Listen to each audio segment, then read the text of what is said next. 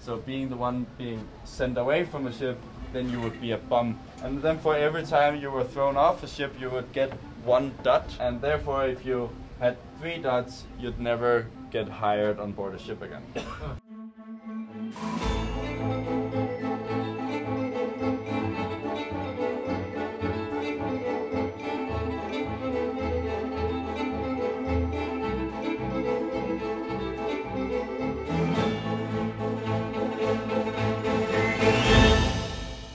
Velkommen til eh, Over Stillehavet med UiB.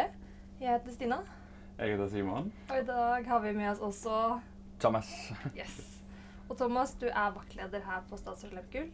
Det er rigtigt, det er. Og du er vaktleder på hvit vakt. Det er lige, lige præcis. Eh, og vi har fått deg inn i dag fordi vi skal snakke litt om sjømannstatoveringer. Eh, da den gruppa som var på Fiji kom tilbake, så hadde de fått en del eh, nytt eh, blekk. Oh yes, det var opptil flere som eh, hadde båt, fått både skilpadde og eh, Det var egentlig skilpadde det gikk i mest, følte jeg. Mest skilpadder, noen svaler, Ja. en flyvefisk, eh, sørkorset, litt forskjellig. Mm. Eh, og nå har vi seilt såpass lenge at vi kan begynne å ta litt eh, sjømannstatoveringer. Så Ja, for det, det Jeg har fått for meg, eller jeg skjønte sånn at det er veldig mange regler rundt disse her, eller eh, tradisjoner rundt disse her tatoveringene. da. Eh, hvilke man kan ta når og sånn. Jamen, det, det er jo rigtigt, at øh, der er jo vældig mange traditioner med sømandstatoveringer. Det er jo lidt ligesom, hvis man er ude og backpack. Man får sådan et, øh, et lille flag for hver land, man rejser rundt i. Så er det ligesom en sømandstatovering, er ligesom for at vise, og hvad har du gjort, og hvad har jeg gjort, og hvor har jeg sejlet. Så det er jo nogle af de mest kendte, derfor grunden til, at mange har fået skildpadder. Det er jo for at krydse Stillehavet. Så det er nok en af de mest kendte, den de fleste kommer til at få. Mm. Det er, at man ser, en, der er en væl, der har fået den på anklen, for at kunne skjule den måske lidt fra uh, mamma og papa. Men øh, det er jo meget fint, og så er der nogen, der har fået lidt større. Og så de, der har fået svalerne, det er jo fra 5.000 sømil for, øh, for at sejle med sejl, som de fleste har gjort. Jeg tror, vi kommer til at sejle lige omkring de 10.000, så øh, der kan man jo krav på to. yes. Ja, det, ligger, det er en lapp i lobbyen nå der det står eh, all, hvor langt vi har seilt eh, samlet. Og jeg tror eh, for de som har vært på Fiji, Fiji-leggen, så altså de som ikke ble igjen i Fiji, de kommer til å seile 11 000 Ja. og noe nautiske mil. De får akkurat nok til å kunne ta to svaler. Mm. Som har vært en liten sånn diskusjon da, blant oss som var igjen og de som ikke var igjen. Og Det hadde vært eh, veldig gøy, gøy for oss som var på båten, tror jeg, og, om Ja. vi akkurat ikke fikk Mm. 90 000. de andre kunne bare ta en, og vi kunne tatt to. Ja, det er der rigtig mange, der har snakket om, de der med, om de så kunne få to, eller om de kun kunne få en tre kvart Mm. svale. Men det, øh, jeg synes bare, man skal gøre det. At der er ikke, altså, jo, det er fedt at sige, at man har sejlet de der 10.000 sømil, men, men det er jo lige så meget bare betydning bag ved at have fået en tatovering. At det minde, man kommer til at få efter Ja. turen her. Mm. At få, når man tænker på svalen, så tænker man, at oh, nu sejlede vi over Stillehavet, og vi sejlede hele vejen til Palau. Det er kæmpe lang strækning, Mm. man har sejlet der. Så jeg tror mere, det er bare tanken, man selv lægger i det, end det egentlig er. Man skal gå op så meget op i de der sømandsregler, der er. Mm. Mm. Men hvilke andre tatoveringer har vi lov til å ta da på den turen? Vi har både krysset ekvator og eh, den internasjonale tidsgrensen. Jamen, ti- tidsgrænsen, den er, den er vældig kendt. Der, mm. der kan du nemlig få uh, The Golden Dragon, så en kinesisk drage, der er malet i guldfarve. Så den er også vældig kyl. Den ser jeg måske også nogle stykker, der kommer til at få. Mm. Så den er, det er også fedt. Den kan jeg desværre ikke få, for jeg har ikke været med på det, Mm. Mm. den tur. så det er lidt ærgerligt, men uh, den, den synes jeg i hvert fald, der er nogle folk, der skal overveje. Mm. Den vil klæde dig godt, Simon. Lige på halsen. Ja, vi får se.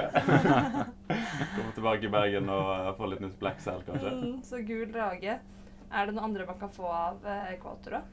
Uh, um, ikke, ikke så specifikt med ekvator, men nu har vi alle sammen fået et, øh, et dyr. Det er måske også et meget en, en fisk eller et andet sø Mm. øh, dyr, som man kan få tatoveret. Det er jo også et godt minde derfra. Mm. Ligesom hvis man er, godt kunne tænke sig at starte med at få en tatovering, mm. så er det i hvert fald noget, der kan betyde noget for en. Og der kan man huske op mit, øh, mit ekvatordyr, som er tigerregen, så nok kan jeg jo få lavet den. Ja, for jo ekvator, og da hadde vi en veldig hemmelig dåp, som vi ikke skal snakke om for mye i Mm. detalj. Men eh, ble ikke lov. Mm -mm. Men eh, vi fikk jo alle et eh, dyr. Hva var, det, hva var det du ble igjen, Simon? Jeg, jeg ble en sjøoter, Ja, Simon Sjøtur. Jeg ble sjøstjerne.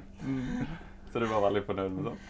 Ja Det fins kanskje enda kulere ting på S, men, den er kul, den også. Det er bra med sjøstjerne. Men det er bedre end øh, en tigerrigge, så vil jeg sige. En tierreie. Reke, ja. Reke er sjøstjerne. ja, det kunne vært verre. Hva med sånne tradisjonelle sjømannstatoveringer, da? Hva er det man typisk har eh, Eller hva er det sjømenn før i tiden brukte å tatovere? Altså, er altså sømandstatovering er blevet også brugt til at vise, øh, hvad man kunne gøre, ligesom for at bringe held. Jeg har jo også for eksempel øh, på fødderne, Mm. har jeg en øh, hane og en gris, som skulle hjælpe en med at ikke at, ikke at drukne ude på søen. Og de har virket indtil videre nu, så det er jeg vældig glad for. Hvorfor er det man ikke drukner da, hvis man har en hane og en gris på anklene? Det var fordi i gamle dage, når man ikke havde øh, frys og sådan noget, så alle dyr øhm, og kød, kjøtt, man skulle have med, det havde man med i træbokse, så levende dyr, og så lå de, og så hvis skibet gik ned, så drev de jo land, for de lå i træbokse. Og så kom de op på strandene, og så fandt man ligesom en hane og en gris, og så tænkte åh, oh, det må bringe held at få det lavet. Så da eh, har man en hane og en gris på foten, så flyter man fint eh, i land. Ja, så laver man en Jesus og går henover. Ja, det var en annen ting jeg, jeg, eh, jeg, jeg tror du snakket om, med eh, sjømenn som tatoverte Jesus på ryggen. Mm. Ja, der, der var flere forskellige med den med Jesus på ryggen. Det var, kommer fra den, øh, den britiske marine. Fra øh, der, hvis man så fik øh, straffet, så fik man jo pisk af bordsmanden. Og så Mm. hvis man, han så, at man havde Jesus på ryggen, så ville man jo ikke piske så hårdt, for man ikke ville øh, piske Jesus. Det, den logikken Smart. eh, Og så er det en del som har eh, anker etter å ha krysset ekvator. Det er jo veldig mange på dette crewet som har. For Ja. Vi seiler jo med Sjøfartsskolen. Og så har jeg også hørt at det var noe greie med de øredobbene. At Ja. det er noe smart. Også en litt sånn lur logikk der. Jamen, det, var også, øh, det kommer så helt tilbage fra, øh, fra grækerne. Når man døde i, hvis man døde i det gamle grækeri, eller i, øh, i Hellas, så blev man begravet med to guldmønter på øjnene. Men så hvis du faldt på søen, så havde, kunne du ikke have guldmønten med, for du ikke havde nogen lommebog med. Mm. Mm. Så, så havde du din guldring til at betale øh, færgemanden for at komme over til dødsriget. Så havde man lige sin, øh, sin lille guldørering. Og det er der også vældig mange, har jeg set, af, af medsejlerne, der har fået lavet her over de sidste på Fiji. Ja, det, jeg så eh, sist for et par dager siden noen går rundt med en sånn, hadde eh, tatt en sånn steril nål fra hospitalet, og plutselig så var det en ring i øret hans dagen etterpå. Ja, vi, da jeg fik lavet min, der var det bare med en nål og en lighter, så han Mm. var lige bare lige varme op. Så er den steril nok, og så Ja, ja. igennem øreflippen. Det er ikke noen sånn der steril sprøytespiss der? Nei, Nej, nej, nej, det, det trænger man ikke. Mm. Tusen takk for at du var med og snakke om sjømannstatoveringer, Thomas. Mm. Det var veldig lærerikt. Det var så lidt. Tak fordi jeg måtte være med. Og nå etterpå skal vi få inn Ben, som er fra Sør-Afrika og studerer juss, og har fått seg en liten svale sjæl. Det blir, det blir bra.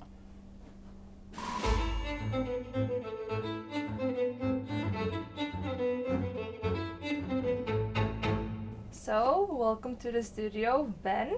Oh, thank you. Nice to be here. How are you today, Ben? I'm doing good. It's very hot and humid, but Yes. otherwise good. Yes. We have been folding hammocks and checking the them if they're okay for Mm. quite a few hours now, actually. Yes. Wow. It was strenuous work. Yes, absolutely. And Ben, you where are you from? I'm from South Africa, uh, Cape Town specifically. Mhm. Yes, and I am studying at the University of Cape Town. And right what do you study? Marine biology. I'm in my fourth year of study now, doing a honors year, honors in marine biology, which is kind of a year in between a bachelor's of science and a master's. So we do a fourth year. Mm. Yeah. Very nice. And uh, South Africans, they are the second biggest uh, group here after Norwegians. With the whole of six students. Yeah, six students. We're in almost like we're a bit under 90 students. I think like 20 to 30 or something are international, and we have people from Norway, Greece, Sweden, Germany, Canada, South Africa, Fiji, Peru, Chile, Finland, Italy, Latvia, Papua New Guinea, to name a few. So quite a lot. Uh, but you're six South Africans. So how did you all learn about this voyage? So we heard from uh, a professor of ours. She sends out like a blanket email to everyone in our course, everyone studying marine biology or oceanography. Um, all of us South Africans study marine biology and or oceanography, and um, we responded to that email saying we'd like to apply, and then we had to get a letter of recommendation from our faculty and. Um, then submit our CV and our grades and a letter of motivation and all that, and uh, yeah, then we got in eventually. What did you think about going to this ship? Did you have any expectations about Norwegians and sailing and crossing the Pacific and all this? What were your train of thought there? I actually had very few uh, expectations about Norwegians. I didn't really consider the fact that uh, it would be 60 people from the same place. well, not the same place, but uh, the same country. And the rest of us would be international students. Um, I was thinking mostly about sleeping in hammocks every night, and I was a little uh, wary about that because I'd never slept a night in a hammock. Um, and I guess excited to cross the Pacific. Um, yeah, I guess again I hadn't thought about exactly how far it was. Like I knew it was four months, which is obviously a very long time, but in my head I was like, okay, like we're crossing the Pacific. Like you know, I've seen uh, that on the map, and yeah, it's it's actually been a very long journey, which I wasn't maybe uh, fully prepared for. I guess I was uh, expecting it, but not mentally prepared. You know, it, it can be two different things. How uh, do you think the hammock thing has uh, gone? It's actually not the worst part about this ship. I I I, uh, I I miss my bed, but not so much that I am like ah, I hate these hammocks. I would buy a hammock at home and sleep in it occasionally. It's not uh, put me off completely. Um, yeah. You I said it was not the worst thing on the ship. What is the worst thing? Uh, I don't know actually. Maybe the sleeping hours. I find that uh, quite difficult. Um, waking up at random hours, like last time we had White Watch, was three thirty in the morning. That was not fun. And even now, going to bed at like ten or eleven, getting an hour's nap or something, and then waking up at twelve a.m. to go and watch for four hours, is a bit uh, of a struggle. Um, so my sleep cycle has been a bit messed up, and I guess that's probably the most uh, tricky thing. Yeah, I, I feel like um, the things that have been the biggest problems were I didn't even think about them Mm. when I was home. Yeah. Yeah, same. And Wasn't the question people ask, like, how do you get enough water? Yeah, how do you sleep in a hammock? All these questions are the ones we don't think about, Yeah. and the actual things that are important are so trivial and so small and so Exactly. stupid. Yeah. Like we don't have enough Nutella. The doors, oh, Yeah. the doors suck. Yeah. it's so heavy and uh, annoying. yes, It's too warm in the bathroom. yes, life's hard. yes. Yes. So uh, coming from uh, some from South Africa and uh, and meeting all of us, uh, the majority of us being Norwegian, have you had any like culture cho- culture shocks? Oh, there's been many cultural shocks.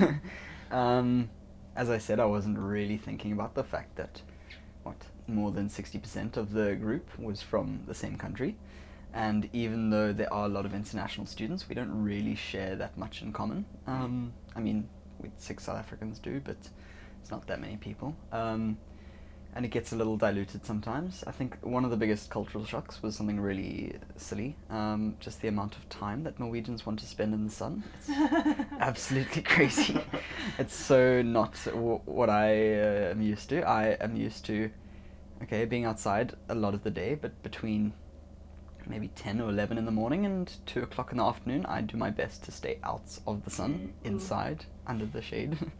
and everyone is like panicking to get into the sun as soon as possible. People can't wait to get out of school to just lather themselves in sun cream and Yeah, go lie on It's quite comedic when I'm walking downstairs into the banyan. You see Mm. all the international students like Yes. there in the shadow, and then they go up, and all the people tanning are the Norwegians. exactly. It's actually crazy. Yeah. And especially now that it's so hot and so humid, it's it's really funny because we all get so de- dehydrated. Yes. And when people uh, stand up after tanning, you see like the outline of their body. Yeah, it's getting Like pretty sweat. gross. Yes. on the deck. A mixture of sun cream and Yes. sweat and Our salt watchleader water actually told us today that you don't need to get this tan. You're looking like uh, chickens or, or like Roast the chickens, roast yeah. chickens, and uh, people will know that you're tan. You don't need to lay out in the sun all day. Yes. Yeah. Crazy. Another thing I'd never heard of was UV index. Apparently, people look at the UV index Yes, to decide about to to stand. That's ridiculous. I've never thought of that in my life. I was actually just about to say that, yeah, because now the UV is really strong, so we have to be extra careful. Exactly. I've never heard of that. I mean, yes, I look up in the sky and see, okay, there's clouds. Probably not a good day to tan or whatever. But yeah, never gone that far. But yes, that's probably the biggest thing I think. Yeah. We also heard from a lot of the students that uh, that Norwegians are uh, very liberal with uh, nudity. That we're naked all the time. That's a big yeah, shock. I guess. I haven't seen a lot of naked people, maybe in the bathrooms, I guess, when people are showering and stuff. But yes, I guess people are very uh, liberal in the banyas where we sleep, just changing everywhere. But I, I- think I also feel like that's a consequence of being so many Yes. people in the in a limited area. Mm. You kind of have to sort of uh, release your uh, Body. Inhibitions. inhibitions or like uh, idea of privacy. Like you Yeah. just kind of have to change. Yeah, and I mean, actually, it wasn't the biggest shock for me because I feel like I, at home, I usually just wear a pair of shorts. I don't walk around in a shirt at home and around my friends and stuff. And there was a little a time when the sergeants was like, "If you're in the banya, you have to have a shirt on." Blah blah blah, and I was like, "Oh, okay, that's how it is. Fair enough." but yes, that that was interesting. Yeah. Um, we can go back to the fact that you're studying biology. Ah. Uh, because uh, biology is also the biggest uh, uh, study or uh, field of study here on Mhm. this boat. And uh, do you feel like you have learned anything new about biology? Because we have quite a lot of lectures in the subject. Do you feel like this is just repetition of things you know, or have you actually learned new things? Um, I definitely have learned new things, and I've expanded on a lot of uh, knowledge that I have been taught before, I guess, which was very cool. Um, and I think one of the most valuable parts of this course for me has been like the interdisciplinary uh, approach, hearing from people from different backgrounds and study and where they come from and all that. Um, I do feel like maybe a lot of the stuff that we've learned, I've learned before. Um, in the last three years of my study, which makes sense. There's a lot of overlap, and I feel like it would actually maybe be slightly more valuable um, if this course was. I don't know what it is now. If it's maybe fifty or sixty percent uh, science and biology students, I feel like it would be more valuable to have more economics and politics and humanities Mm. students uh, doing a course like this, because people from the sciences often know a lot about climate change and uh, ocean acidification and uh, global warming and all that. And so yes, it's useful, and I feel more uh, confident in my knowledge now than I was before. But uh, I think that for somebody hearing about this kind of stuff for the first, maybe not the first time, because a lot of people learn about this basically in school, but uh, having this this kind of background um, knowledge is a lot more useful maybe for people who haven't uh, had that much exposure to it. Yeah. So we learn about sustainability from a lot of different points of view, and we talked about our students who had uh, who thought about sustainability only from their field perspective. So do you feel like you have a more broad understanding of sustainability after this trip? It's a very leading question, but uh, yeah, I guess. Um, again, sustainable development has been something that's kind of talked about a lot in my field of study. So I think that most of the biology students here have like this set definition of sustainable development, which is that one given by the Brundtland Commission or whatever. It says that uh, sustainable development is development that's done in a way that doesn't uh, impact the opportunity of future generations to do so themselves.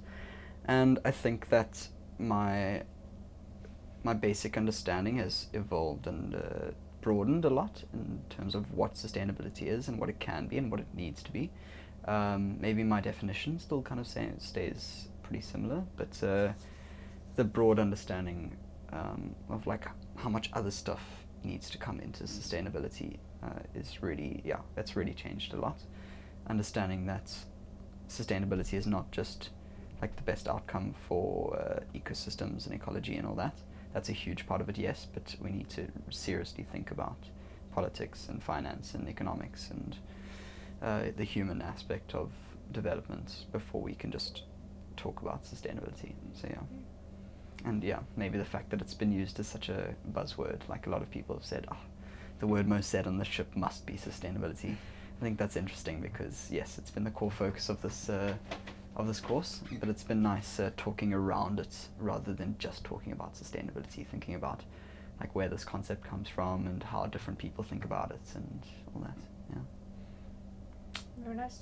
Do you know what you want to do in the future? Have you this course uh, broadened your horizon or narrowed it down? Um, I've never really been too sure about where I want to work after studies. Um, I'm quite confident that I want to do a little more studies, uh, probably another year or two of master's degree. Um, and I think one thing that this course has maybe changed is I've always thought about doing this course in South Africa at the same university I've been at for the last four years, and maybe now my uh, horizons have been broadened, and I'm quite keen to maybe go study somewhere else, maybe overseas or something. Um, but in terms of work afterwards, I I've always thought of uh, working in conservation, um, so I'm quite keen to go into that field. And one thing that's been talked about, maybe not that much, but I've heard it mentioned a couple of times, and I heard about it and then kind of went and researched it a bit. And I got quite excited about this uh, concept of rewilding, which is where people work to kind of uh, bring nature back into landscapes and uh, kind of help humans to coexist in a more equal way with uh, nature. So that's quite cool for me. I'm quite uh, excited about that concept, and I'd really like to find a company that's working in that kind of space and maybe do some work there. Nice. Yeah.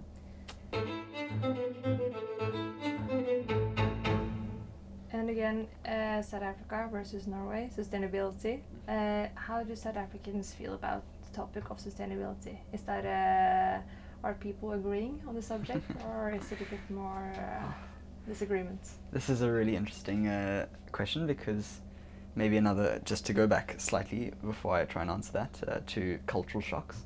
Another big thing was hearing how, I mean, I know Norway is a pretty big country, but there's a lot fewer people in Norway than there are in South Africa, and I feel like uh, there's a lot less diversity. People are a lot more similar. They have obviously hugely, uh, there's a huge variety of political views and all that, but uh, often people think uh, fairly similarly. Um, or people have similar backgrounds, whereas I feel like from South Africa, we have so many different cultures and races and nationalities and languages that uh, you don't have a kind of very united uh, front, I guess. I don't know. Um, so I, I don't really feel like I can speak for all South Africans, but uh, I think that it's something that we are very aware of. We know that we need to do it in a way that's we need to develop our country in a way that's uh, not going to um, that that is uh, sustainable and we can we can use this way of development into the future. It's not just something that we can do for a few years and then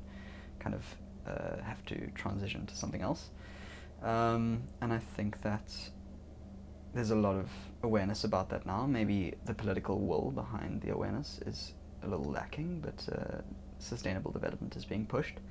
And I think, lastly, as in most uh, uh, developing countries, there's quite a uh, desire for justice, and like we want to develop our country in a similar way that many developed countries have done in the past, and it's quite difficult to do that uh, when we've got all these regulations uh, imposed on our country that uh, developed countries didn't have to deal with uh, when they were developing.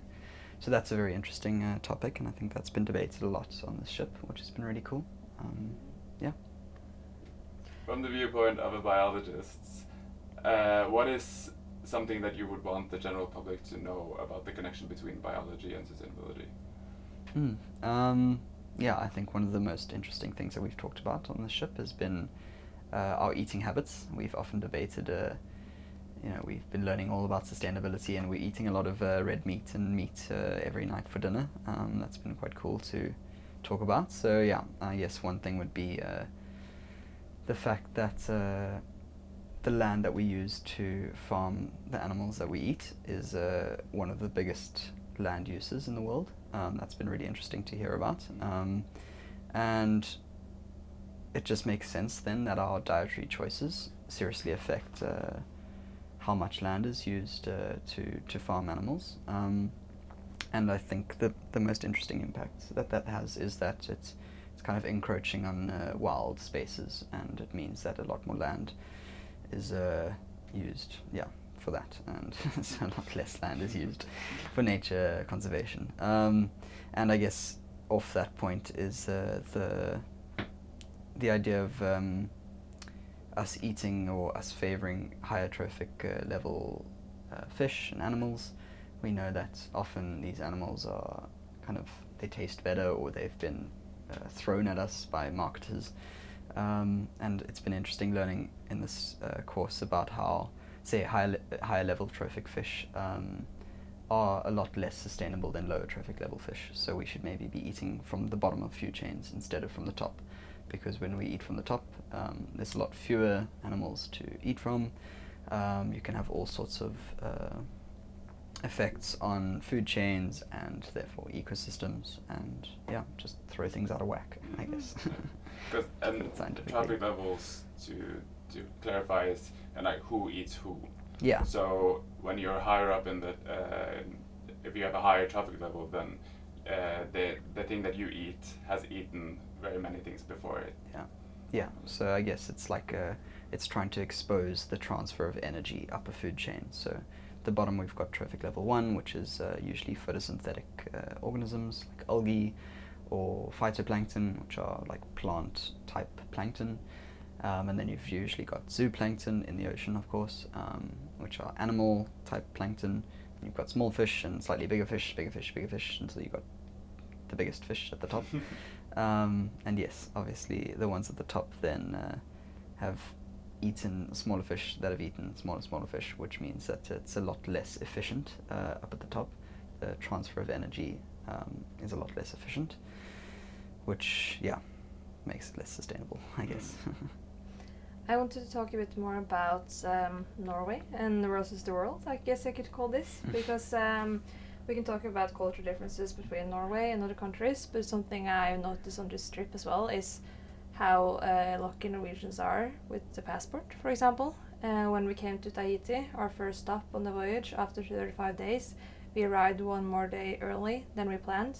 And since all the South Africans had to apply for a visa, they had to wait on the boat before they could get off uh, except you, Robin, because you are fifth generation Irish, yes. so you have an Irish pass. Somehow. But uh, how was that to see that uh, South Africans had uh, less opportunity to travel compared to Norwegians and other nationalities? Yeah, I guess it's it's difficult. Um, I think the biggest issue often is uh, getting visas. Is it's just such a nightmare if you have to go through that whole application process, especially if you want to travel like we have and go through a lot of different countries. Um, I've never really experienced it that much myself because, as you said, I've got an Irish passport, which is very nice. Um, but yeah, I think uh, it just feels a little. You feel limited by uh, your your passport, which is sad, and it's it's not that nice. And I know, like I've had conversations with uh, Mike and Amy, who are two other South Africans, and they've uh, we've been talking about study opportunities for next year. And I was thinking, oh, I'm so lucky. I've got a EU passport. I can probably go and study in Norway if I wanted to, or uh, Denmark, or uh, Holland, or whatever. Um, and it would be pretty easy for me to move there and study there, and maybe even work there. Whereas my friends uh, have to apply for study visas. Um, they probably wouldn't get education for free because they're not EU citizens. Um, traveling anywhere is difficult. I know Mike has got a ski, uh, not season, but working uh, trip lined up, and he has to apply for a visa again to work there and all that. Um, so yeah, it's difficult. It makes travel really tricky, and that's uh, that's not nice. It's not cool that uh, um, travel is made so easy for some people and so difficult for others. Because yeah, I think that traveling is really important, and seeing Yeah. how other cultures and other people live is yeah really has a good impact on people. And we talked about this a bit before as well. Uh, that uh, Norwegians uh, they travel quite a lot because they have money and opportunity, and uh, also because of uh, the Schengen uh, avtalen, which we say in Norwegian. That Norway, that in Europe you can travel quite easily. You don't need Mhm. any visas to travel around, Yeah. and that uh, Norwegians travel all, all around Europe. But a lot of the South Africans haven't really traveled that much in Africa, for Yeah. example. Um, yeah, it's quite a curious thing, actually. Um, I'm not really sure how it works or why it happens like that. Uh, myself, I've traveled uh, around South Africa quite a lot because that's very easy, and then I've gone up to Namibia, um, I think twice, and once to Mozambique, uh, which are bordering countries on South Africa, so that's quite easy. Um, but I think it's a pretty common thing that most people from African countries do not travel that often to other African countries, and I think maybe my my uh, I guess that why why I think that is is that uh, it's it's made very expensive because often African countries are trying to attract very uh, wealthy European or American tourists, and so the prices just aren't affordable for people living in South Africa or other African countries. Um, and maybe the other thing is, I mean, I'm I'm very lucky. My family loves traveling, and we save a lot of money for travel. So I've been to Europe a couple times, probably about uh, four or five times, and I know that airplane tickets between South Africa and Europe are way way cheaper than say a South African ticket to Ghana or uh, Kenya or something. Um, and I think that's just because Europe to South Africa is such a well-established uh, travel route. Um, but yeah, it is it is interesting, and I'd really love to travel to more African countries. Um, yeah. I think uh, one of the last things I want to talk about is uh, the language barrier. Um, in the beginning, we learned all the sails and ropes in English, and then they said, "No, wait, actually, you have to learn it all in Norwegian." Mm. So you have been screaming commands in Norwegian or Norwegian-ish. It was also learned by Danish, and then you have to repeat it. Uh, how's that been? Because now a lot of the South Africans actually speak, or the international students speak a bit of Norwegian. Yes. Mm. um, I've actually really enjoyed that aspect of the language uh, divide, I guess. Um, it's been really fun learning commands and ropes in a different language. It's quite a challenge, and that's that's nice. Um, what's not that fun sometimes is when we're in a bit of a panicky mood and everyone's rushing everywhere, and suddenly the watch leader screams out a different uh, command in Danish or Norwegian, and 99% of the people know what's going on and they'll rush to go somewhere and the two or three uh, international students are left behind saying i don't know what you just said. Yeah. can you please explain? I think I remember recently, like, English, please. yes i've said that a couple times and it's not that fun but uh, yes. Yeah but uh, mostly the language has been fine. Um, people are very good about speaking english a lot of the time. We do all our lessons in english and that's pretty easy. Um, i guess the most challenging thing has been kind of when uh, there's a lot of norwegians together they often instinctively talk norwegian to each other and Yes. you feel a little left out of kind of the easy conversation that happens a lot Mm. um, and so it's, yeah, it's very nice when somebody says, "Oh, let's just talk English," Yeah. but uh, then sometimes you feel uh, like obligated or like they've uh, now turned their conversation to face you. now you're on uh, in the chair, kind of Yeah. thing. You, you Um, have to participate. Yes, Yeah. so it's a it's a very tricky thing, I guess, um, and it was always going to be like that with uh, this many people from one country, as I said, um, and I think it's mostly fine. Yeah. It's been really cool. It's quite interesting because often we sit at a table and then someone suddenly we just switch to English and then like oh then I see the person walking Yes. and the person who first sees the non-Norwegian speaker they just turn to Yeah. English and we, tr- yeah That's the nicest thing for sure. when nothing is said, it's just uh, switches. Yeah, That's really cool. over to English. I, I, I feel like it has happened multiple times where when after I've said something or had a conversation, I I'm not sure if it happened in English or in Norwegian. I can, yeah, I'm sure. Or that we, st- uh, we are in a group and then we're talking English and people struggle a bit to find the words and then we realize, oh, we're all Norwegians. We Mm. just lost all the English speaking people without Yes. realizing. And now we're just talking English. In, It's really yeah. funny. Yes. And also, what's interesting is that our English, after four months of talking English, has become much worse. Yes. So much worse. I I would imagine that we would be better, uh, but I think the whole like so many Norwegians talking English because we when we were in a group in the beginning Yeah. and we were four Norwegians and you yes. and uh, our so therefore there were a lot of Norwegians talking English together. yes. And I noticed that the international students who are non-native English speakers, they are starting to speak English with a Norwegian accent as well. And we talk Ah. very Norwegian English, and when we talk Norwegian, we talk with English words. I feel like this language is morphing into one very bad Norwegian English with some like Yes. different influences. It ended up at like a Statsraad language. yeah, Yes. with Danish of course Oh, in between. And When yeah, we get home, it's gonna be chaos. Yes. one big mess. Yes. So I, yeah, I have uh, really become very relaxed with my English pronunciation. Yes. yes, And, uh, for sure. a- and also, it's very fun to speak no English as Yeah. well. So Yeah, yeah, yeah. The, the joke has kind of become the Yes. reality. Yeah. Exactly. It's very uh, dangerous to do something for fun or ironic Yes. a few times because uh, yeah and I, I had to catch myself talking like what am i doing i'm actually talking like this all the time not even trying my Yes. tiny tiny bit yes, I, I mean, my general feeling has been that people's English has improved in terms of vocabulary and just like general confidence because I know there were a few people, most people have like maybe 99% uh, English uh, efficiency, whatever. yeah But there were a few people who are a little less uh, confident in their English, and I feel like those people have really improved over the last four months. But yes, the accents, I agree. Yeah. It's, it's been ridiculous, and I even have to catch myself from Yes. talking like this the whole time. Yes, up and down and up and down. Yes, it's a lot of fun. Thank you, Ben, for talking to us, even though it makes you talk even more up and down. Yes, I am. sorry. it's been really nice to have the international students here and their perspective, and I'm really glad that we're not all just uh, Norwegians on this ship. Yes, me too. This has been uh, Over the Pacific, yes. over Stillehavet, med UiB. Takk for at du hørte på.